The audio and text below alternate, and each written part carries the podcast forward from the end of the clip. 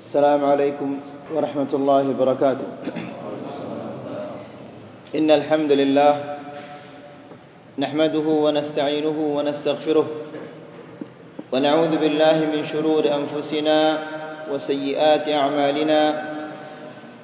من يهده الله فلا مضل له ومن يضلل فلا هادي له. أشهد أن لا إله إلا الله وحده لا شريك له. وأشهد أن محمدا عبده ورسوله. يا أيها الذين آمنوا اتقوا الله حق تقاته ولا تموتن إلا وأنتم مسلمون. يا أيها الناس اتقوا ربكم الذي خلقكم من نفس واحدة وخلق منها زوجها وبث منهما رجالا كثيرا ونساء. واتقوا الله الذي تساءلون به والأرحام. إن الله كان عليكم رقيبا. يا أيها الذين آمنوا اتقوا الله وقولوا قولا سديدا. يصلح لكم أعمالكم ويغفر لكم ذنوبكم. ومن يطع الله ورسوله فقد فاز فوزا عظيما. أما بعد فإن أحسن الكلام كلام الله وخير الهدى هدى محمد صلى الله عليه وسلم. وشر الأمور محدثاتها فإن كل محدثة بدعة وكل بدعة ضلالة وكل ضلالة في النار. أخواني وأخواتي في الدين عزكم الله. بابا بابا دن إبو إبو يعني رحمة الله الحمد لله كتاب موجي الله سبحانه وتعالى yang أتسلم limpahan rahmahnya serta karunia-Nya Kita bisa berkumpul pada malam hari ini Untuk kita mengkaji firman-firman Allah Serta memahami hadis-hadis Rasulullah sallallahu alaihi wasallam. Akhwani fi din azzakumullah Bapak-bapak dan ibu-ibu yang dirahmati Allah Nikmah-nikmah Allah ini kepada kita ini begitu banyak.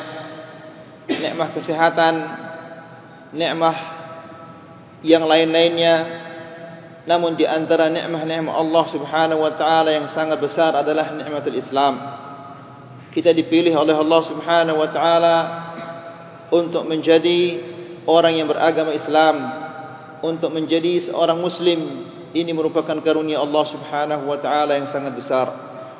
Kemudian di samping itu juga Allah Subhanahu wa taala memilih kita di antara sekian banyak kaum muslimin.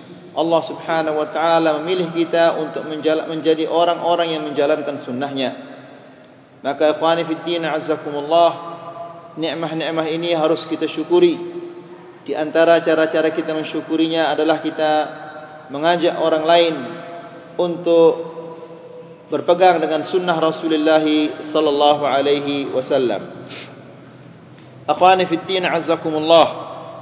Bapak-bapak dan ibu-ibu yang dirahmati Allah, pada kajian yang sudah lewat kita menjelaskan bahawa pada malam Senin yaitu tahun pertama dari tahun Hijriah Hijriah ini Abdullah bin Uraiqid yaitu penunjuk jalan Rasulullah sallallahu alaihi wasallam ini datang ke gua Thawr membawa dua onta yang telah dipersiapkan oleh Abu Bakar. Kemudian Abdullah bin Uraiqid ini mengajak Rasulullah sallallahu alaihi wasallam dan Abu Bakar ke arah yang berlawanan. Mereka diajak ke arah yang menuju negeri Yaman. Dan ini merupakan salah satu zaka kecerdasan dari Abdullah bin Uraiqid. Kemudian Abdullah bin Uraiqid mengajak Rasulullah sallallahu alaihi wasallam dan rombongannya berjalan di sebuah jalan yang tidak pernah atau jarang dilewati oleh orang. Kemudian kita menjelaskan juga bahawa Rasulullah sallallahu alaihi wasallam mampir di, di kemahnya seorang wanita yang bernama Ummu Ma'bad. Ya, kalau Abdullah bin Mas'ud itu namanya Abdullah bin Ummu Abd. Ini Abdullah ini adalah kemahnya Ummu Ma'bad. Kemudian mereka meminta untuk dijamu. Namun wanita ini tidak memiliki kambing-kambing untuk menjamu mereka. Lalu Rasulullah sallallahu alaihi wasallam menemukan sebuah kambing yang lemah yang tidak bisa mengikuti teman-temannya karena lemahnya, maka kambing ini diperah oleh Rasulullah sallallahu alaihi wasallam sehingga mengeluarkan uh, susu yang begitu banyak. Kemudian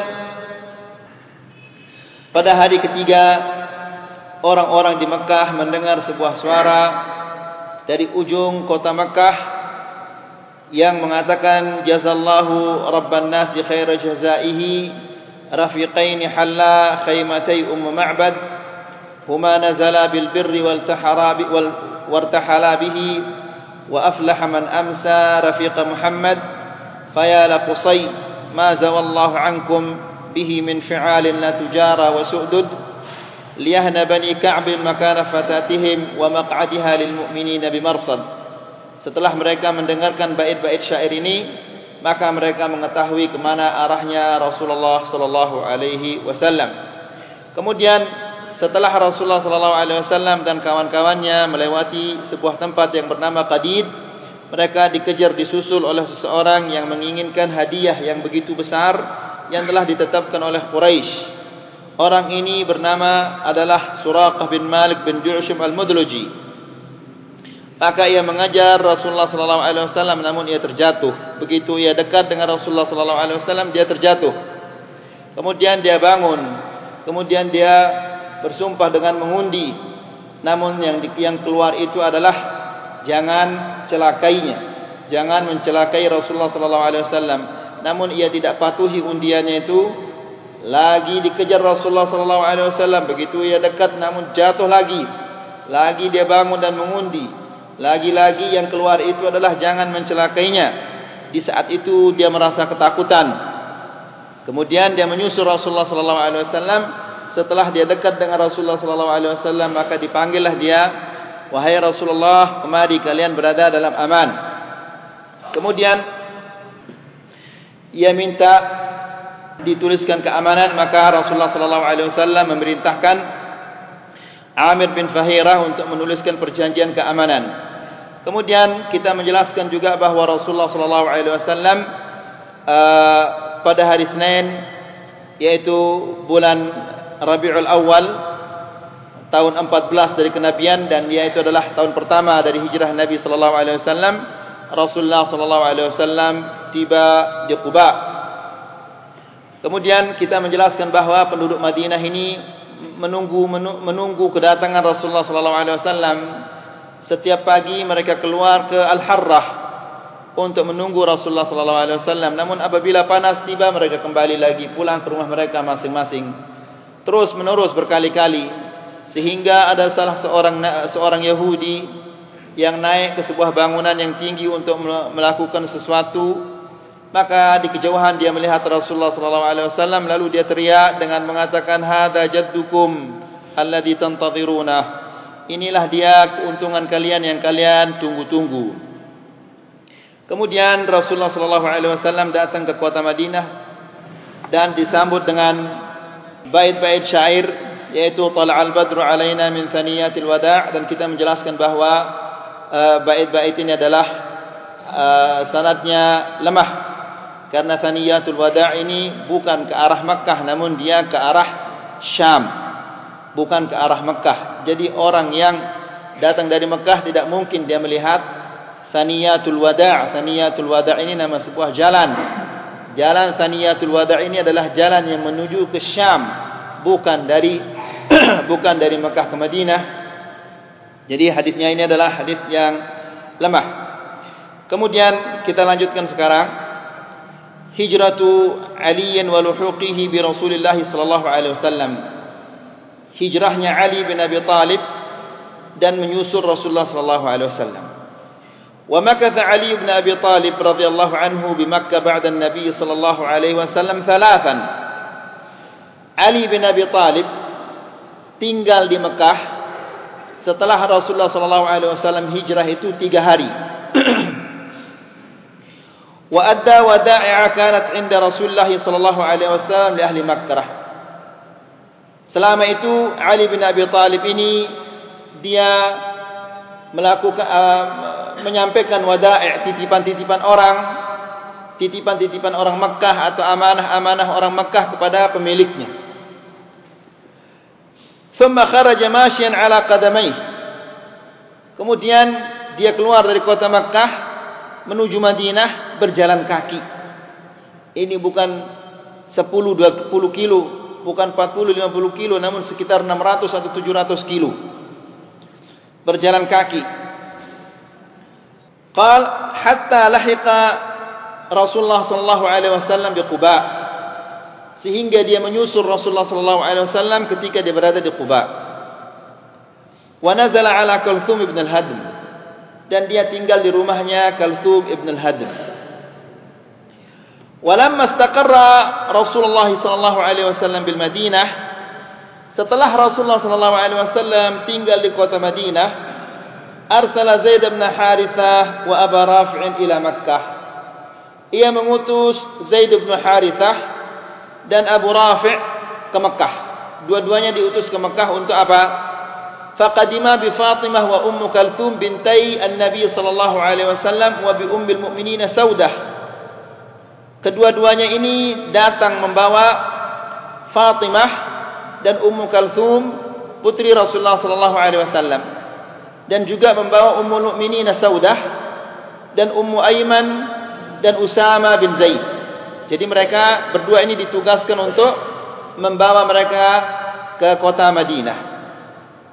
Wa kharaja ma'ahum Abdullah bin Abi Bakar bi'iyali Abi Bakar.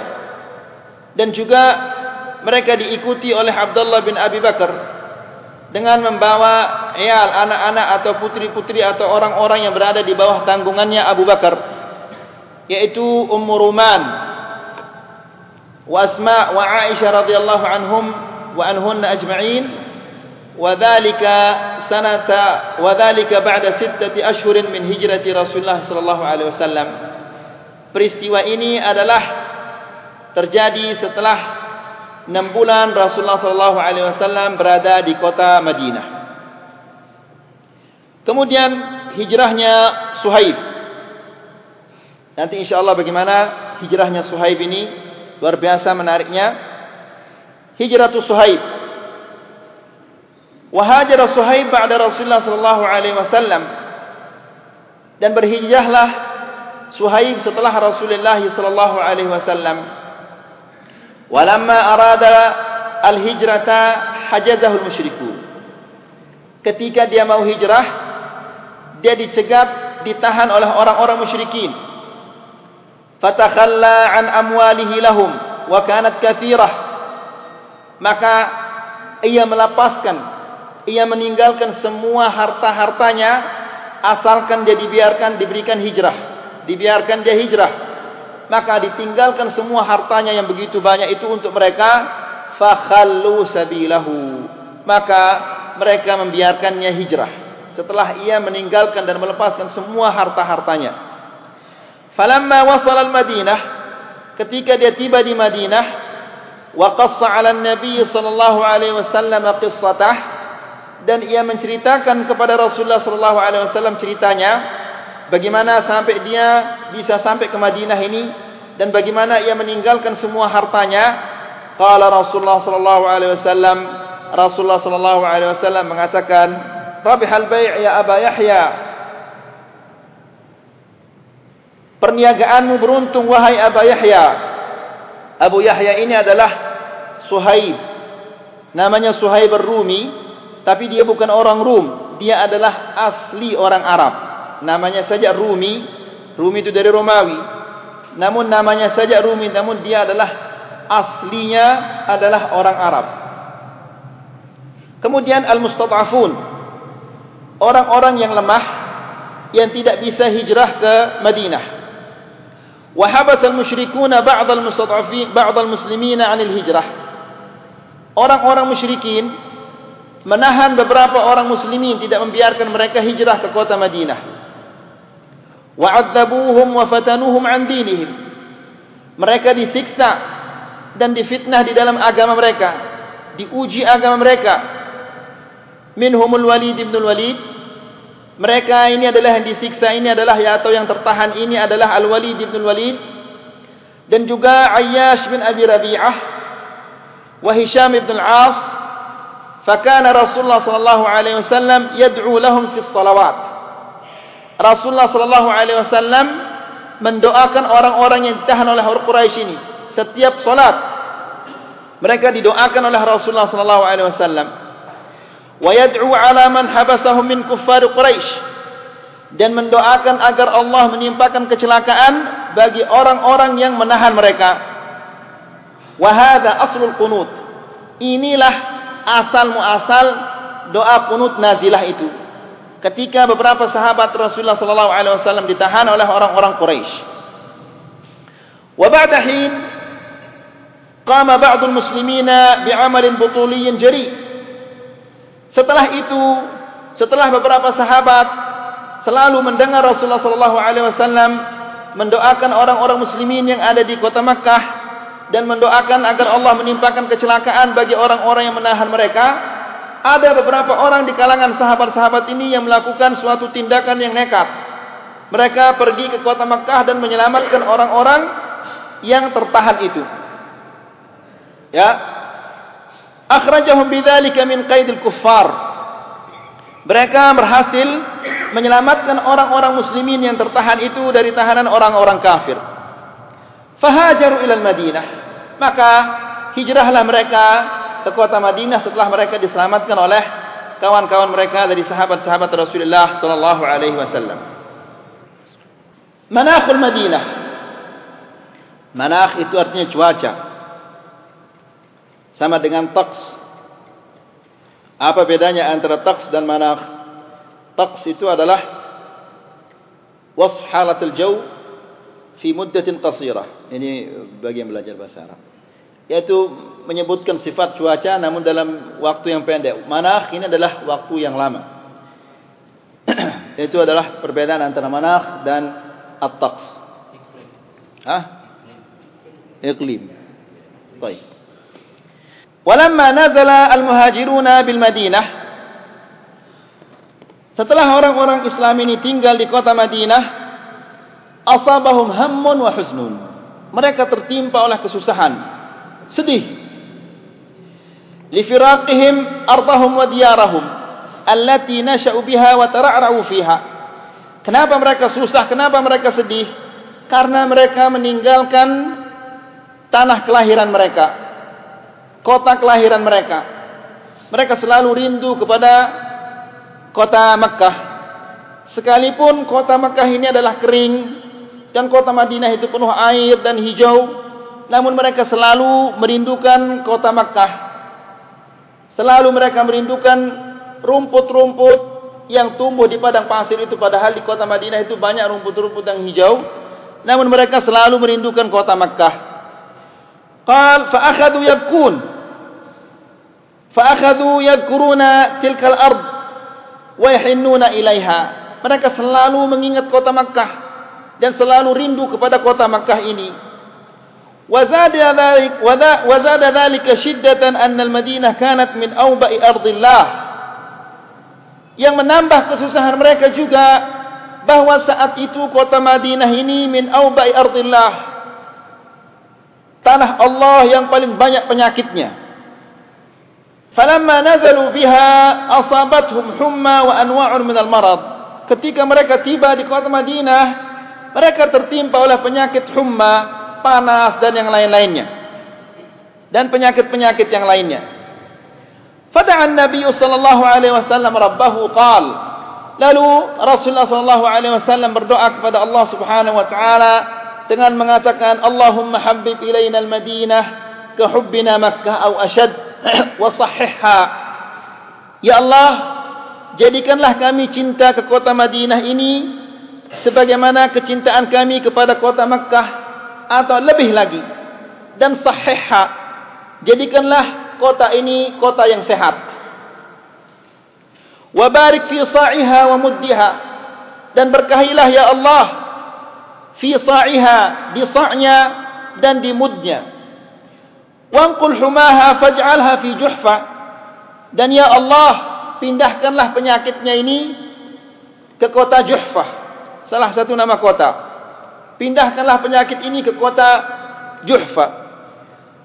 wa ajaba Allah du'aahu maka Allah Subhanahu wa taala mengabulkan doanya Rasulullah sallallahu alaihi wasallam fastarahal muslimuna minal amrad wa ahabbul madinah maka orang-orang muslimin ini mereka terbebas dari penyakit-penyakit itu mereka tidak lagi sakit di kota Madinah dan mereka mulai mencintai kota Madinah kemudian akhwani fi din azzakumullah pada kajian yang sudah lewat kita menjelaskan bagaimana Abu Ayyub Al-Ansari ketika ontanya Rasulullah sallallahu alaihi wasallam berjalan dan setiap pembesar dan pemuka kota Madinah itu memegang tali kekangnya namun dia Rasulullah sallallahu alaihi wasallam mengatakan da'uha fa innaha ma'murah.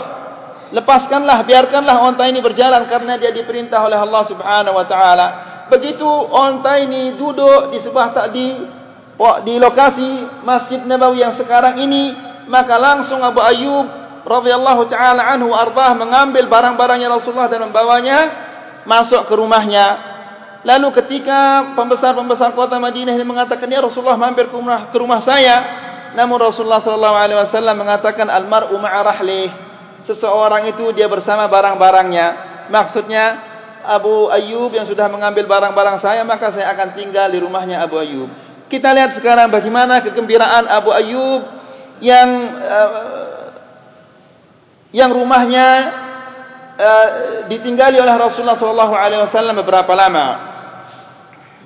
Abu Ayyub ini namanya adalah Khalid bin Zaid An-Najjari. Namanya adalah Khalid bin Zaid An-Najjari. Para ahli sejarah mengatakan yudfanu tahta aswaril Qustantiniyah.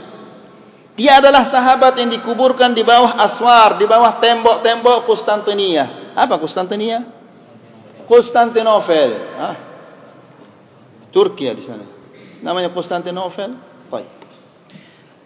Itu kata ahli sejarah bahawa dia adalah sahabat yang dikuburkan di bawah tembok-tembok Konstantinopel. Konstantinopel. Hada sahabiyul jalil yud'a Khalid bin Zaid bin Kulayb. Namanya dia adalah Khalid bin Zaid bin Kulayb min Bani Najjar. Dari suku Bani Najjar. Dan kita katakan bahawa Bani Najjar ini adalah paman-pamannya Rasulullah sallallahu alaihi wasallam dari ibunya. Amma kunyatuhu fa Abu Ayyub. Kunyahnya adalah Abu Ayyub. Wa amma nisbatuhu fa ila al-Ansar. Adapun dia dinisbatkan adalah nisbatnya kepada al-Ansar penduduk Madinah. Ini tidak ada di sana di kitab. Ya. Wa man minna ma'syar muslimin la ya'rifu Aba Ayyub al-Ansari. Siapa di antara kita kaum muslimin yang tidak mengenal Abu Ayyub al-Ansari ini? Faqad rafa'a Allah fil khafiqain dzikrahu. Allah Subhanahu wa taala telah menjadikannya orang terkenal. Allah Subhanahu wa taala mengangkat namanya di timur dan di barat wa a'la fil anami qadrahu. Dan Allah Subhanahu wa taala mengangkat derajatnya. Derajat Abu Ayyub al-Ansari yaitu hina ikhtara baitahu min duni buyutil المسلمين jami'an liyanzila fihi an-nabiyul karim sallallahu alaihi wasallam lamma halla fil madinati muhajiran. Jadi Allah Subhanahu wa taala mengangkat namanya ketika ketika Allah subhanahu wa ta'ala memilihkan untuk rasulnya agar ia tinggal di rumahnya Abu Ayyub al-Ansari ketika Rasulullah sallallahu alaihi wasallam hijrah ke kota Madinah. Wa hasbu bidzalika fakhran. Cukup ini merupakan kebanggaan bagi dia yaitu Rasulullah sallallahu alaihi wasallam sudah datang pernah tinggal di rumahnya. Wa nuzul Rasulullah sallallahu alaihi wasallam fi bait Ayyub qissatun yahlu tirdaduha wa yalidhu tidhkaruha dan mengenai tinggalnya Rasulullah sallallahu alaihi wasallam di rumahnya Abu Ayyub Al-Ansari ini ada cerita yang menarik sekali untuk kita selalu ingat-ingat. ذلك أن النبي صلى الله عليه وسلم حين بلغ المدينة تلقته أفئدة أهلها بأكرم ما يتلقى به وافد Ketika Rasulullah wasallam tiba di kota Madinah, penduduk penduduk Madinah ini menyambutnya dengan sambutan yang luar biasa. wa tatalla'at ilaihi uyunu uyunuhum tabuthuha syauqul habib ila al habib semua mata memandang Rasulullah sallallahu alaihi wasallam mata yang penuh kerinduan kerinduan kekasih kepada kekasihnya karena mereka sudah lama rindu kepada Rasulullah sallallahu alaihi wasallam. Sehingga Anas bin Malik mengatakan, "Ahbabtu Rasulullah sallallahu alaihi wasallam 'ala as-sama'." Saya mencintai Rasulullah sallallahu alaihi wasallam itu 'ala as-sama' hanya sekedar mendengar saja. Karena biasanya orang menyukai sesuatu atau mencintai sesuatu itu dia mencintainya setelah ia melihatnya. Namun Anas bin Malik radhiyallahu taala anhu ardhah dia mencintai Rasulullah sallallahu alaihi wasallam sebelum ia melihatnya. Ya. Qal wa fatahu lahu qulubahum liyahulla minha fi suwaida. Penduduk Madinah ini begitu datang Rasulullah sallallahu alaihi wasallam, mereka membukakan Rasulullah sallallahu alaihi wasallam ini pintu hati mereka. Wa asyra'u lahu abwab buyutihim liyanzila fiha a'azza manzil. Di samping mereka membukakan pintu hati mereka, mereka juga membukakan pintu rumah mereka untuk Rasulullah sallallahu alaihi wasallam. Walakin Rasulullah sallallahu alaihi wasallam qada fi Quba min dawahi al-Madinah ayyaman arba'ah. Rasulullah sallallahu alaihi wasallam tinggal di Quba, di Quba empat hari. Bana khilalaha masjidahu alladhi huwa awwalu masjidin ussisa 'ala at-taqwa. Selama empat hari dia membangun Masjid Quba yaitu masjid yang pertama dibangun di dalam Islam. Thumma thumma kharaja minha rakiban naqatah. Setelah itu Rasulullah sallallahu alaihi wasallam keluar dari kota Quba ini dengan menunggang ontanya. Fawaqafa Sa'datu Yathrib fi tariqiha. Semua pembesar-pembesar kota Madinah ini menghalangi onta ini. Kullun yuridu an yadfara bi syarafi nuzuli Rasulullah sallallahu alaihi wasallam fi baitihi. Semua pemuka-pemuka dan pembesar-pembesar kota Madinah ini menginginkan agar Rasulullah sallallahu alaihi wasallam mampir dan singgah di rumahnya. Wa kanu ya'tariduna an-naqa sayyidan itra sayyidin. Dan yang menghalanginya ini pembesar demi pembesar, pemuka demi pemuka. Yaqulun mereka mengatakan aqim indana ya Rasulullah fil adadi wal uddati wal man'ah. Ya Rasulullah, tinggallah di rumah kami, rumah yang lengkap, rumah-rumah yang penuh dengan keluarga, rumah yang semua mereka akan membelamu. Fayaqulu lahum da'uha fa innaha ma'murah. Akan tetapi Rasulullah sallallahu alaihi wasallam mengatakan, biarkanlah dia, lepaskanlah onta ini karena dia diperintahkan oleh Allah Subhanahu wa taala. Wa tadallu an-naqatu tamdi ila ghayatiha tatba'uha al-uyun dan onta ini terus berjalan. Dan semua mata memandangnya memandang onta ini. Wa tahufu bihal qulub. Dan hati berdebar-debar. Fa idza jazat manzilan hazin ahluhu wa asabahumul ya's. Apabila satu rumah dilewati maka rumah yang berikutnya mendapatkan harapan. Dengan mengatakan jangan-jangan sekarang mungkin dia dia akan singgah ke rumah saya namun ternyata dilewati juga maka dia kecewa. Maka rumah berikutnya berharap. Ya dilewati kecewa dia rumah berikutnya berharap. Dan seterusnya. Qal wa ma zalatin naqatu ala haliha hadhihi dan onta ini terus menerus berjalan. Wan nasu yamduna fi ithriha dan semua orang mengikutinya mengikuti onta ini wahum yatalahafuna syauqan lima'rifati as-sa'idil mahdhud mereka mengikutinya mereka ingin tahu siapa kira-kira yang beruntung ini. Yang Rasulullah sallallahu alaihi wasallam akan singgah ke rumahnya ini. Siapa orang yang beruntung ini? Hatta balagat sahatan khala'a amama baiti Abi Ayyub al-Ansari wa barakat fiha. Sehingga onta ini terus berjalan sampai ke sebuah tanah yang kosong di depan rumahnya Abu Ayyub Al-Ansari.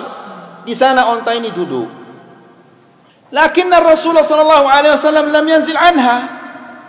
Akan tetapi Rasulullah sallallahu alaihi wasallam tidak turun dari ontanya. Fama labithat an wasabat wa antalaqat tamshi. Akan tetapi kemudian onta ini bangun lagi dan berjalan. War Rasulullah sallallahu alaihi wasallam murkhin laha zimamuha. Dan Rasulullah sallallahu alaihi wasallam mengendorkan tali tali kekangnya. Thumma ma labithat an 'adat adrajaha wa barakat fi man fi ma barakiha al-ula fi ma al-awwal. Tidak lama kemudian onta ini kembali lagi dan duduk di tempat ia duduk yang pertama kali. Ya, Inda dhalika ghamaratil farhatu fuada Abi Ayyub al-Ansari. Di saat itu setelah onta ini kembali dan duduk di tempat yang pertama, maka di sanalah bergembiralah dia Abu Ayyub al-Ansari. Ya, wa badara ila Rasulullah sallallahu alaihi wasallam yurahibu yurahibu bihi wa hamala mata'ahu baina yadayhi. Dan dia Begitu onta ini duduk di tempat itu, langsung Abu Ayyub ini mendatangi Rasulullah sallallahu alaihi wasallam dengan memberinya sambutan yang luar biasa. Lalu barang-barangnya Rasulullah sallallahu alaihi wasallam dipikul sama dia, wa ka'annama yahmilu kunuz ad-dunya kullaha. Seolah-olah dia memikul kunuz harta yang ada di dunia ini di atas kepalanya. Padahal apa isinya? Mungkin roti kering dan jadi seolah-olah dia memikul harta yang ada di dunia ini wa madha ila baitihi dan dibawa ke rumahnya kana manzil Abu Ayyub yata'allafu min tabaqatin fawqaha ulayya Abu Ayyub ini memiliki rumah yang dua lantai fa akhla al-ulayya min mata'ihi wa mata'i ahlihi liyanzila fiha Rasulullah sallallahu alaihi wasallam maka lantai yang di atas itu dikosongkan oleh Abu Ayyub dikosongkan dari barang-barangnya dan barang keluarganya agar Rasulullah sallallahu alaihi wasallam tinggal di lantai yang atas itu. Lakin Nabi sallallahu alaihi wasallam athara 'alaiha tabaqat as-sufla. Akan tetapi Rasulullah sallallahu alaihi wasallam lebih menyukai lantai bawah. Lantai pertama. Famtathala Abu Ayyub li amrihi, maka Abu Ayyub ini mengikuti keinginannya Rasulullah sallallahu alaihi wasallam. Wa anzalahu haitsu ahabba. Dan dia dipersilahkan dia tinggal di mana saja ia ingin. Apakah di lantai pertama atau di lantai dua di mana saja dia suka dipersilahkan dia tinggal di sana walamma aqbala al-lail ketika malam tiba wa awar rasul sallallahu alaihi wasallam ila firasyih dan rasulullah sallallahu alaihi wasallam sudah tidur Sa'ida Abu Ayyub wa zawjuhu ila al-ulayyah. Naiklah Abu Ayyub ini dan isinya ke lantai dua ke lantai yang atas ini. Wa ma in aghlaqa 'alaihima babaha hatta iltafata Abu Ayyub ila zawjatihi. Setelah Abu Ayyub menutup pintunya, pintu lantai dua ini, dia melirik melirik ke istrinya dan mengatakan kepadanya, "Wahai hakimah, sana'na?" Celaka kita ini. Apa yang telah kita perbuat? Ayakunu Rasulullah sallallahu alaihi wasallam asfala wa nahnu a'la minhu? Bagaimana ini? Masa Rasulullah sallallahu alaihi wasallam berada di bawah dan kita di atas? Anamshi fawqa Rasulullah sallallahu alaihi wasallam? Masa kita akan berjalan di atasnya Rasulullah sallallahu alaihi wasallam? Anasiru bainan nabi wal wahyi? Apakah kita berada di tengah-tengah antara wahyu dan Rasulullah sallallahu alaihi wasallam? Inna idzan lahalikun. Kalau demikian, maka binasalah kita. Kalau kita berada di atasnya Rasulullah, kalau kita berjalan di atasnya Rasulullah sallallahu alaihi wasallam, kalau kita berada antara Rasulullah dan wahyu, maka celakalah kita. Wasuqita fi aidi az-zawjain wa huma la yadriyani ma yaf'alan. Mereka menyesal dan bingung tidak tahu mereka apa mereka akan perbuat sekarang. Berjalan tidak bisa. Khawatir Rasulullah sallallahu alaihi wasallam di bawah. Maka walam taskun nafsuhuma ba'da sukun illa hinan hadza ila janib al-ulayyah. Maka hati mereka tidak tenang melainkan setelah mereka apa? Inhaza berada di pojok di sini di pinggir mereka tidak berani ke tengah, di pinggir terus. Ya. hatta ila illa hina haza ila janib al-ulayyah alladhi la yaqa'u fawqa Rasulullah sallallahu alaihi wasallam supaya mereka tidak berada di atasnya Rasulullah sallallahu alaihi wasallam mereka menepi di samping terus waltazamahu la yabrahanihi dan mereka tetap di samping di pinggir mereka tidak bergerak-bergerak Saking khawatirnya bagaimana coba sampai seperti itu mereka memuliakan Rasulullah sallallahu alaihi wasallam. Sampai tidak berani berjalan di atas. Tetap berada di pinggir. La yabrahanihi illa masyaini ala ala al-atraf mutaba'idain 'an al-wasat. Kalau mereka mau berjalan mereka berjalan di samping, tidak berani berjalan di tengah-tengah. Demikian mereka menghormati Rasulullah sallallahu alaihi wasallam. Falamma asbaha Abu Ayyub Qala lin Nabi alaihi salatu wassalam ketika pagi tiba Abu Ayyub ini mengatakan berkata kepada Rasulullah sallallahu alaihi wasallam wallahi ma ughmida lana jafnun fi hadhihi al-lailah la ana wala ummu Ayyub ya Rasulullah demi Allah semalaman ini kami tidak tidur saya tidak tidur istri saya juga ummu Ayyub tidak tidur faqala alaihi salatu wassalam Rasulullah sallallahu alaihi wasallam mengatakan Wa mimma dzaka ya Ayyub? Kenapa kalian tidak bisa tidur wahai Ayyub? Dia mengatakan, "Qal dzakartu anni ala dhahri baitin anta tahtahu." Karena saya mengingat bahwa saya berada di sebuah rumah, engkau berada di bawahnya. Wa anni idza taharraktu tanathara 'alaika al-ghubar fa'adak. Dan kalau seandainya saya berjalan, mungkin ada debu-debu yang jatuh kepadamu. Bayangkan. Saking khawatir jangan sampai ada debu yang jatuh kepada Rasulullah sallallahu alaihi wasallam. Wa anni idza taharraktu tanathara 'alaika al-ghubar fa'adak. Dan kalau saya bergerak di lantai yang dua ini, mungkin ada debu-debu yang akan jatuh kepadamu. Thumma anni ghadawtu bainaka wa bainal wahyi. Kemudian juga kalau saya berada di atas, maka saya berada antara engkau dan wahyu. Faqala lahu Rasulullah sallallahu alaihi wasallam lalu Rasulullah sallallahu alaihi wasallam mengatakan hawwid alaika ya Abu Ayyub tenanglah wahai Abu Ayyub innahu arfaqu bina an nakuna fi sufl. Sesungguhnya itu lebih memudahkan bagi kami jika kami berada di lantai bawah ini. Likathrati man yakhshana minan nas. Karena banyak sekali orang yang mengunjungi saya maka di lantai bawah ini lebih ringan lebih lebih lebih bagus bagi saya. Qala Abu Ayyub, lalu Abu Ayyub ini mengatakan, "Faltam famtathaltu li amri Rasulullah sallallahu alaihi wasallam." Maka saya mengikuti apa yang diinginkan oleh Rasulullah sallallahu alaihi wasallam. Ila an kanat lailatan baridah. Sehingga tiba suatu hari pada musim dingin. Ya, dinginnya kota Madinah luar biasa dinginnya. Kalau dingin di sini ini dia dinginnya dia berjorak dinginnya.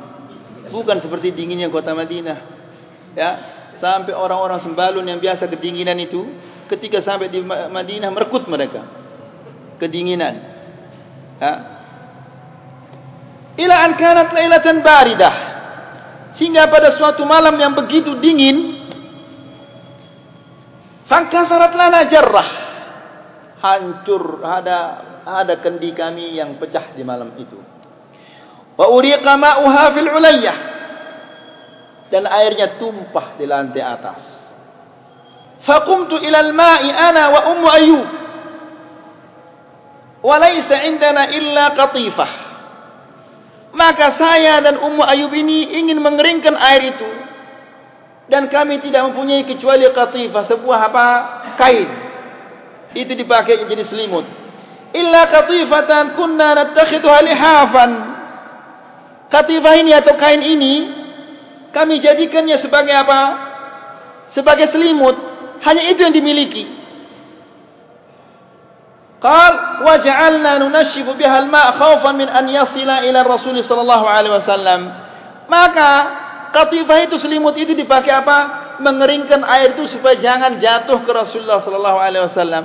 Berarti di malam yang dingin itu mereka kedinginan, tidak apa? Tidak pakai selimut. Ya, Demikian cinta mereka, penghargaan mereka kepada Rasulullah sallallahu alaihi wasallam.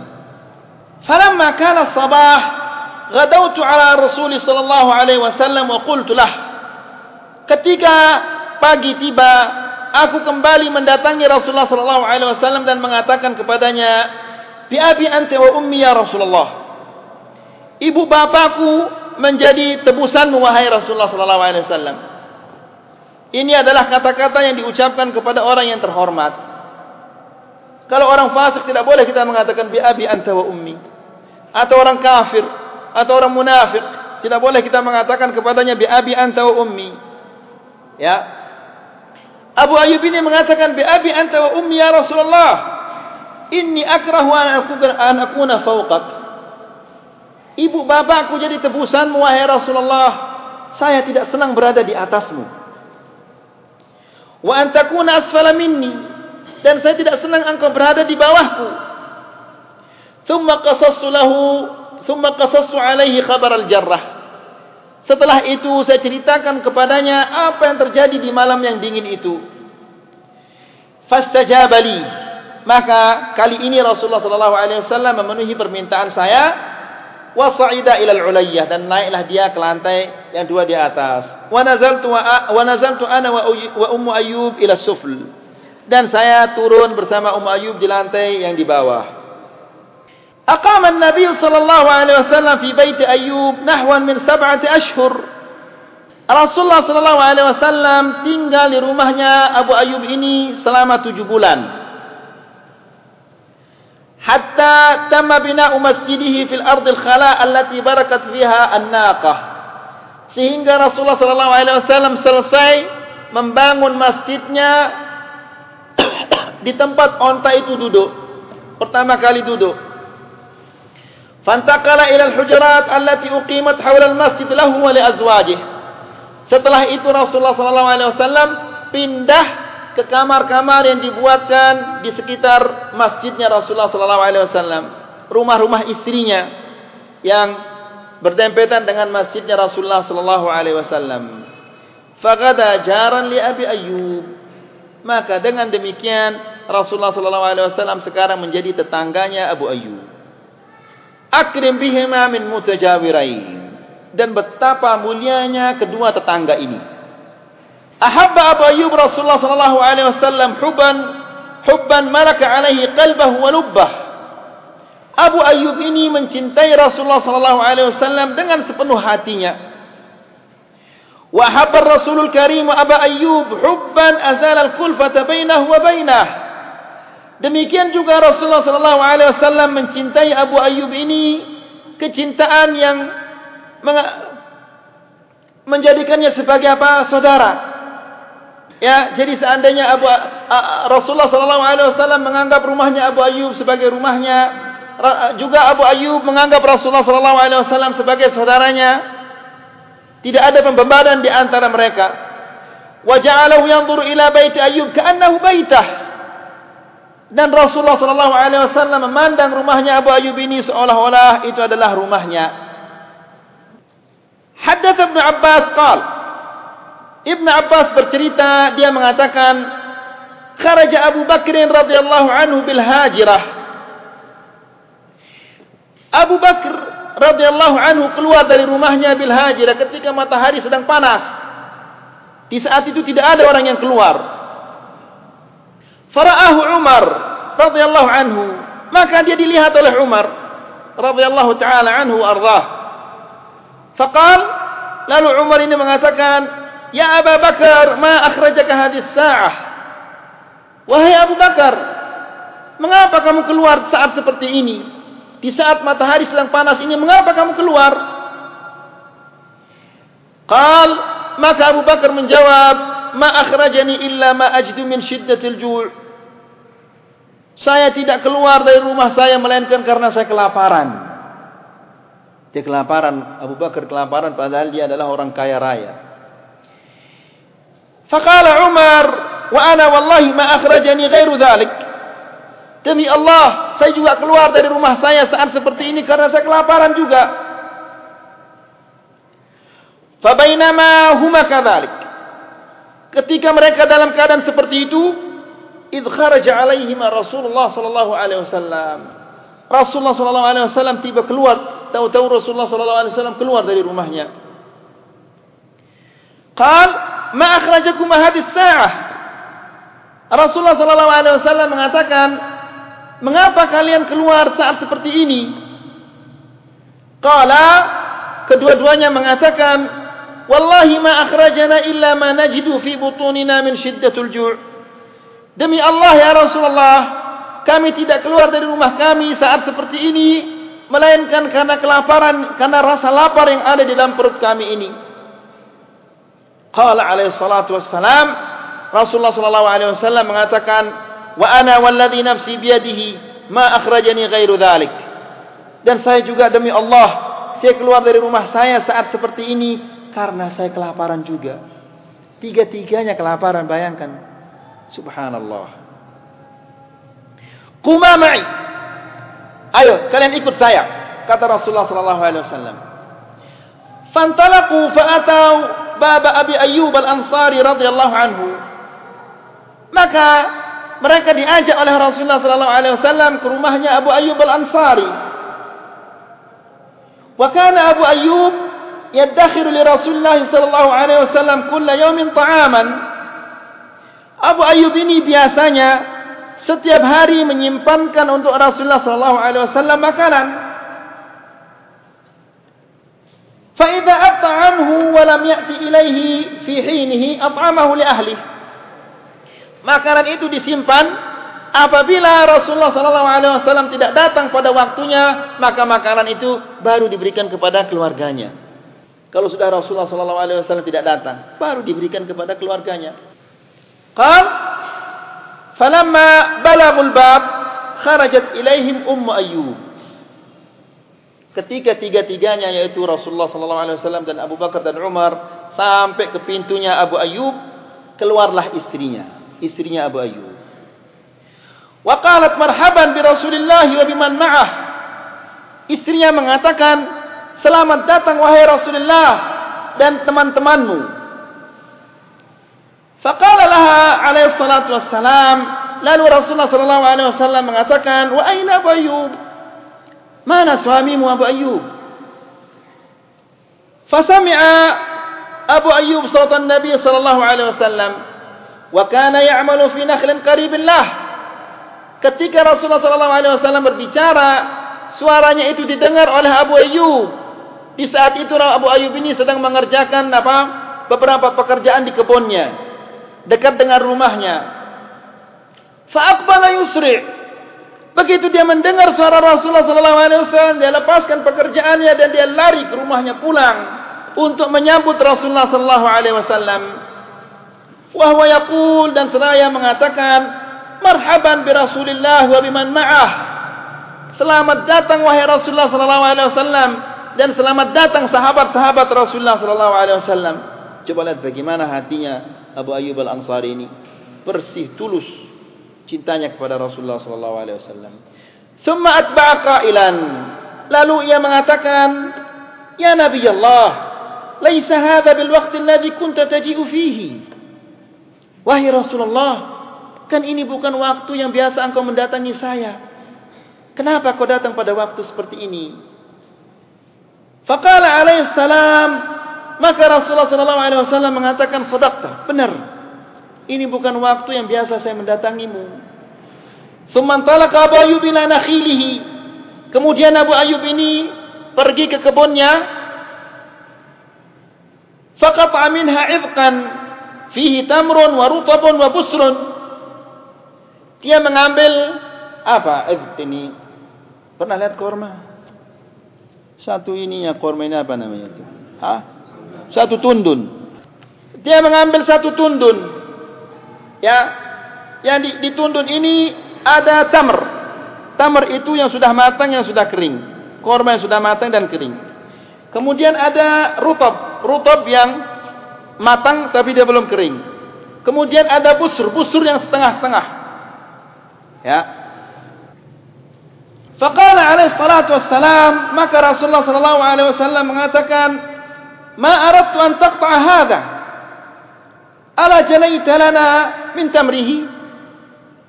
Ya Abu Ayyub, mengapa engkau potongkan kami tuntun yang seperti ini? Coba engkau bawakan kami yang sudah menjadi korma. Ya, Jangan bawakan kami yang ada mentahnya ini, yang setengah matangnya ini. Faqal lalu Abu Ayyub ini mengatakan, "Ya Rasulullah, ahbabtu an ta'kula min tamrihi wa rutabihi wa busrihi wa la azbahanna lak." Ya Rasulullah, saya senang sekali engkau merasakan kormanya dan rutabnya dan busurnya, busur, yaitu yang setengah matang ini, wa la azbahanna lak dan tunggu sebentar saya akan gorokan kamu uh, syat seekor kambing. Qal In dhabahta fala tadhbahanna dhata laban. Wahai Abu Ayyub, jika engkau menyembelih, janganlah engkau menyembelih kambing yang sedang menyusui. Fa akhadha Abu Ayyub jadiyan fadhabahu. Lalu Abu Ayyub ini mengambil kambing yang muda lalu disembelihnya, digoroknya oleh untuk Rasulullah sallallahu alaihi wasallam. Faqala limra'atihi lalu ia katakan kepada istrinya, "A'jini wa khbizi lana." Bikinkanlah kami bikin kamu bikin adonan kemudian bikin roti. Wa anti a'lamu bil khubz. Karena kamu lebih pintar dari saya membuat roti. Thumma akhadha nisfal jadi fatabakhahu. Kemudian setengah kambing itu diambil kemudian direbus. Wa amida ila nisfihi tsani fashawwahu. Kemudian setengahnya yang lagi dipanggang oleh Abu Ayyub. Falamma nadijat ta'am setelah makanan ini matang wa wudi'a baina yaday Nabi sallallahu alaihi wasallam wa sahibai dan makanan yang sudah matang ini dihidangkan untuk Rasulullah sallallahu alaihi wasallam akhadha Rasulullah sallallahu alaihi wasallam qit'atan min al-jadi Rasulullah sallallahu alaihi wasallam mengambil sebagian dari daging kambing ini wa wada'aha fi raghif kemudian ia menaruhnya menaruhnya di antara roti. Yani daging kambing ini seperti sandwich. Ya. Kita ambil dagingnya kemudian ditaruh diletakkan di tengah-tengah roti oleh Rasulullah sallallahu alaihi wasallam wa qal lalu dia mengatakan ya Aba Ayyub badir bi hadhihi al-qit'ah ila Fatimah. Wahai Aba Ayyub cepat-cepat pergilah engkau ke rumah Fatimah dan bawa makanan ini ke rumahnya. Bawakan dia makanan ini. Fa innaha lam tusib mithla hadha mundu ayyam. Karena Fatimah itu tidak pernah makan makanan seperti ini semenjak lama. Radhiyallahu taala anha wa ardhaha falamma akalu wa shabi'u qala an-nabiy sallallahu alaihi wasallam. Setelah mereka makan dan mereka kenyang Rasulullah sallallahu alaihi wasallam mengatakan khubzun wa lahmun wa tamrun wa busrun wa rutab. Roti daging kurma busr dan rutab. Wa dam'at aynahu lalu Rasulullah sallallahu alaihi wasallam mencucurkan air mata thumma qala lalu dia mengatakan walladhi nafsi biyadihi inna hadha huwa an-na'im alladhi tus'aluna anhu yawm al-qiyamah demi nyawaku yang berada di tangannya. Inilah naim, kenikmatan yang kalian akan ditanya kelak di hari kiamat oleh Allah Subhanahu wa taala. Fa idza asabtum min hadha fadarabtum bi aydikum apabila kalian makan mendapatkan rezeki makanan seperti ini. Lalu kalian memakannya. Faqulu bismillah. Katakanlah bismillah. Bukan bismillahirrahmanirrahim. Bismillah. Jangan ditambah-tambah. Karena Rasulullah wasallam mengatakan bismillah itu berdasarkan wahyu dari Allah Subhanahu wa taala. Yang mengatakan bismillahirrahmanirrahim itu. Dari mana ia mendapatkan? Apakah mendapatkan wahyu juga? Ya. Kemudian fa idza syabi'tum faqulu dan apabila kalian kenyang katakanlah alhamdulillahilladzi huwa ashba'ana wa an'ama 'alaina fa afdala.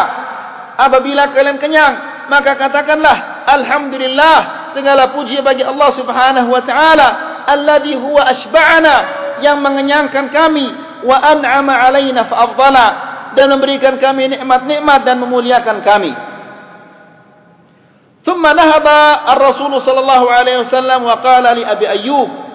Kemudian Rasulullah sallallahu alaihi wasallam bangun setelah dia makan dia bangun dan dia mengatakan kepada Ayub Iktina qadan. Datanglah besok ya. datangi temui saya besok. Wa kana alaihi salam la yasna'u lahu ahadun ma'rufan illa ahabba an yujazihi alaihi. Dan Rasulullah wasallam itu mempunyai kebiasaan apabila ada seseorang yang berbuat baik kepadanya pasti akan membalasnya. Itu kebiasaannya Rasulullah wasallam. Siapa saja berbuat baik kepadanya pasti dia akan dibalas. Lakin Abu Ayyub lam yasma' dhalik.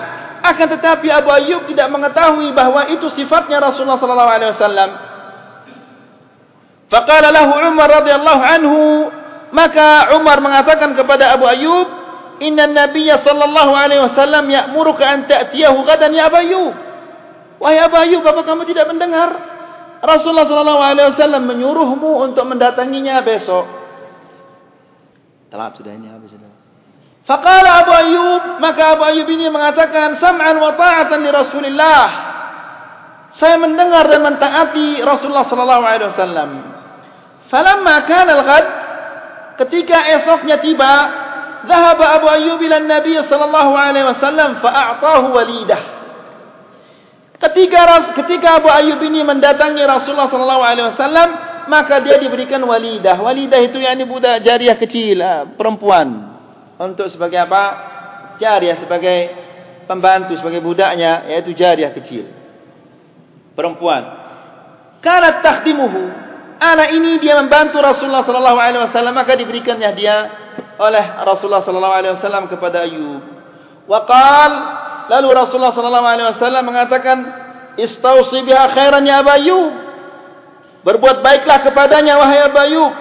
Fa inna lam nara minha illa khairan karena selama ini anak ini saya tidak pernah melihatnya kecuali melakukan kebaikan. Ada Abu Ayyub ila baitihi wa ma'ahu al-walidah. Pulanglah Abu Ayyub membawa apa jariah yang kecil ini, budak perempuan yang kecil ini. Falamma ra'atha Ummu Ayyub ketika istrinya melihat dia membawa jariah kecil ini, qalat liman hadha ya Abu Ayyub? Siapa punya budak ini wahai Abu Ayyub? Dia mengatakan, lana. Mana hala iyaha Rasulullah sallallahu alaihi wasallam? Ini budak kita. Kita diberikan oleh Rasulullah sallallahu alaihi wasallam karena budak itu sebagai harta dahulu. Semakin dia banyak uh, yang bisa dikerjakan, banyak keterampilannya, banyak keahliannya, semakin tinggi harganya. Ya. Faqalat a'zim bihi min manih wa akrim bihi min minhah. Istrinya mengatakan, wahai Abu Ayyub, muliakanlah pemberian Rasulullah sallallahu alaihi wasallam dan muliakanlah sang pemberi. Faqala waqad awsana biha khairan. Abu Ayyub mengatakan, wahai istriku, Rasulullah sallallahu alaihi wasallam juga berpesan agar saya berbuat baik kepadanya. Faqalat wa kaifa nasna'u bihi biha hatta nunaffidha wasiyat Rasulullah sallallahu alaihi wasallam. Kata istrinya, kalau begitu bagaimana cara kita untuk menjalankan wasiatnya Rasulullah sallallahu alaihi wasallam? Ia menyuruh kita untuk berbuat baik kepadanya. Faqal lalu Abu Ayyub mengatakan, "Wallahi la ajidu li wasiyati Rasulullah sallallahu alaihi wasallam bi khairan min an a'tiqaha." Demi Allah, tidak ada cara yang paling bagus untuk kita menjalankan wasiatnya Rasulullah sallallahu alaihi wasallam ini kecuali kita memerdekakannya. Ya, seorang budak yang paling diidamkan adalah untuk dimerdekakan. Qal lalu istrinya itu mengatakan hudita ila sawab fa anta muwaffaqun thumma ataqaha. Istrinya mengatakanlah ini dia paling bagus. Engkau mendapatkan petunjuk maka cepatlah merdekakan dia budak ini. Maka dimerdekakan dia oleh Abu Ayyub. Asha Abu Ayyub radhiyallahu anhu tula hayatihi ghazian hatta Abu Ayyub ini selama hidupnya dia hidup di dalam berperang. Hatta qila innahu lam yatakhallaf an ghazwatin ghazaha al-muslimuna mundu ahdi Rasulullah sallallahu alaihi wasallam. Sehingga dikatakan dia tidak pernah ketinggalan dari suatu peperangan dari semenjak zaman Rasulullah sallallahu alaihi wasallam dia tidak pernah ketinggalan di suatu peperangan. Ila zaman Muawiyah dari zamannya Rasulullah sallallahu alaihi wasallam sampai zamannya Muawiyah dia terus menerus ikut serta dalam semua peperangan dari zaman Rasulullah wasallam sampai zamannya Muawiyah berapa tahun sudah itu Khulafaur Rasyidin saja sampai hampir 30 tahun atau 29 tahun sekian. Tambah dengan zamannya Rasulullah wasallam. Kemudian zamannya Muawiyah. Illa idza kana munshaghilan anha bi ukhra. Kecuali jika ada sesuatu yang menghalanginya sehingga dia tidak dapat ikut serta dalam peperangan. Wa kanat akhiru ghazawati hina jahaza Muawiyah jaishan bi qiyadati Yazid. Peperangan yang terakhir yang diikuti oleh Abu Ayyub ini yaitu ketika Muawiyah bin Abi Sufyan menyiapkan sebuah pasukan yang dipimpin oleh anaknya yang bernama Yazid. Liyaftah al-Qustantiniyah. Pasukan ini disiapkan oleh Muawiyah untuk membebaskan kota Konstantinia, Konstantinopel. Wa kana Abu Ayyub anadzaka shaykhan ta'inan fi sin. Di saat itu Abu Ayyub ini adalah orang yang sangat tua, tua renta. Yahbu nahwa 80 min umrih. Hampir umurnya itu adalah hampir mencapai 80 tahun. Masih pergi berjihad. Ke kemana? Ke Konstantinia, ke Konstantinopel di Turki. Ya, sudah tua pada hal itu. Wa kana falam yamnahu dhalika min an yantawi tahta liwa Yazid. Usianya yang tua ini tidak menghalangnya untuk apa? bergabung dengan tentaranya Yazid bin Muawiyah radhiyallahu anhu. Wa an yamkhura ubab al-bahri ghazan fi sabilillah. Umurnya yang tua itu tidak menghalanginya untuk menyeberangi lautan yang begitu jauh walaupun dia sudah tua. ya lakinnahu lam yamdi ghair qalil ala munazalati al-adu hatta marida Abu Ayyub maradan aqadahu an muwasalati al-qital akan tetapi baru saja peperangan ini dimulai Abu Ayyub ini tertimpa oleh penyakit yang membuatnya tidak mampu melanjutkan apa peperangan ini faja'a Yazid liya'uduhu liya'udahu wa sa'alah ketika dia sakit dia dikunjungi oleh Yazid dan ditanyakan kepadanya. Yazid bertanya kepada Abu Ayyub, "Alaka min hajatin ya Abu Ayyub?" Wahai Abu Ayyub, apa yang kamu inginkan? Ya, ada keinginanmu, apa cita-citamu? Fakal, lalu Abu Ayyub ini mengatakan, Jangan perhatikan, dia tidak mengatakan beri anak saya yang perempuan sekian juta, kasih yang laki ini, yang ini belum sekolah, kasih dia sekian, ini yang belum bangun rumah, kasih sekian. Dia tidak mengatakan demikian. Tapi dia mengatakan, Iqra'anni salam ala junidil muslimin. Sampaikanlah salam saya kepada tentara-tentara kaum muslimin. Wa kullahum, dan katakan kepada mereka, Yusikum Abu Ayyub an tughilu fi ardil adu ila ab'adi ghayah. Abu Ayyub berpesan kepada kalian, kalian terobos dan masuki kota-kota musuh itu sejauh-jauhnya. Wa antahmiluhu ma'akum dan selama kalian berperang kalian memikulnya, membawa Abu Ayyub. Wa antadfinuhu tahta aqdamikum 'inda aswar al-Qustantiniyah. Dan jika dia mati kelak maka kuburkanlah dia di bawah tembok Konstantinopel. Walafadh anfasahu al-akhirah setelah dia mengatakan demikian maka dia menghembuskan nafasnya yang terakhir. Setelah dia mengatakan kuburkanlah saya di bawah temboknya Konstantinopel ini. Istajaba jundul muslimin li raghbati sahibi Rasulullah sallallahu alaihi wasallam. Maka tentara kaum muslimin ini menjalankan wasiatnya Abu Ayyub. Wa karru ala junudil adu karratan ba'da karrah. Dan mereka menyerang musuh-musuh mereka serangan demi serangan hatta balagu aswar al-Qustantiniyah. Sampai mereka tembus ke temboknya Konstantinopel. Konstantinopel wahum yahmiluna Abu Ayyub ma'ahum. Selama itu mereka membawa Abu Ayyub. Ya hafaru lahu qabran wa marahu fihi dan di sanalah mereka menggalikan untuk Abu Ayyub kuburan dan mereka menguburkannya di sana. Mudah-mudahan apa yang kita sampaikan ini ada manfaatnya.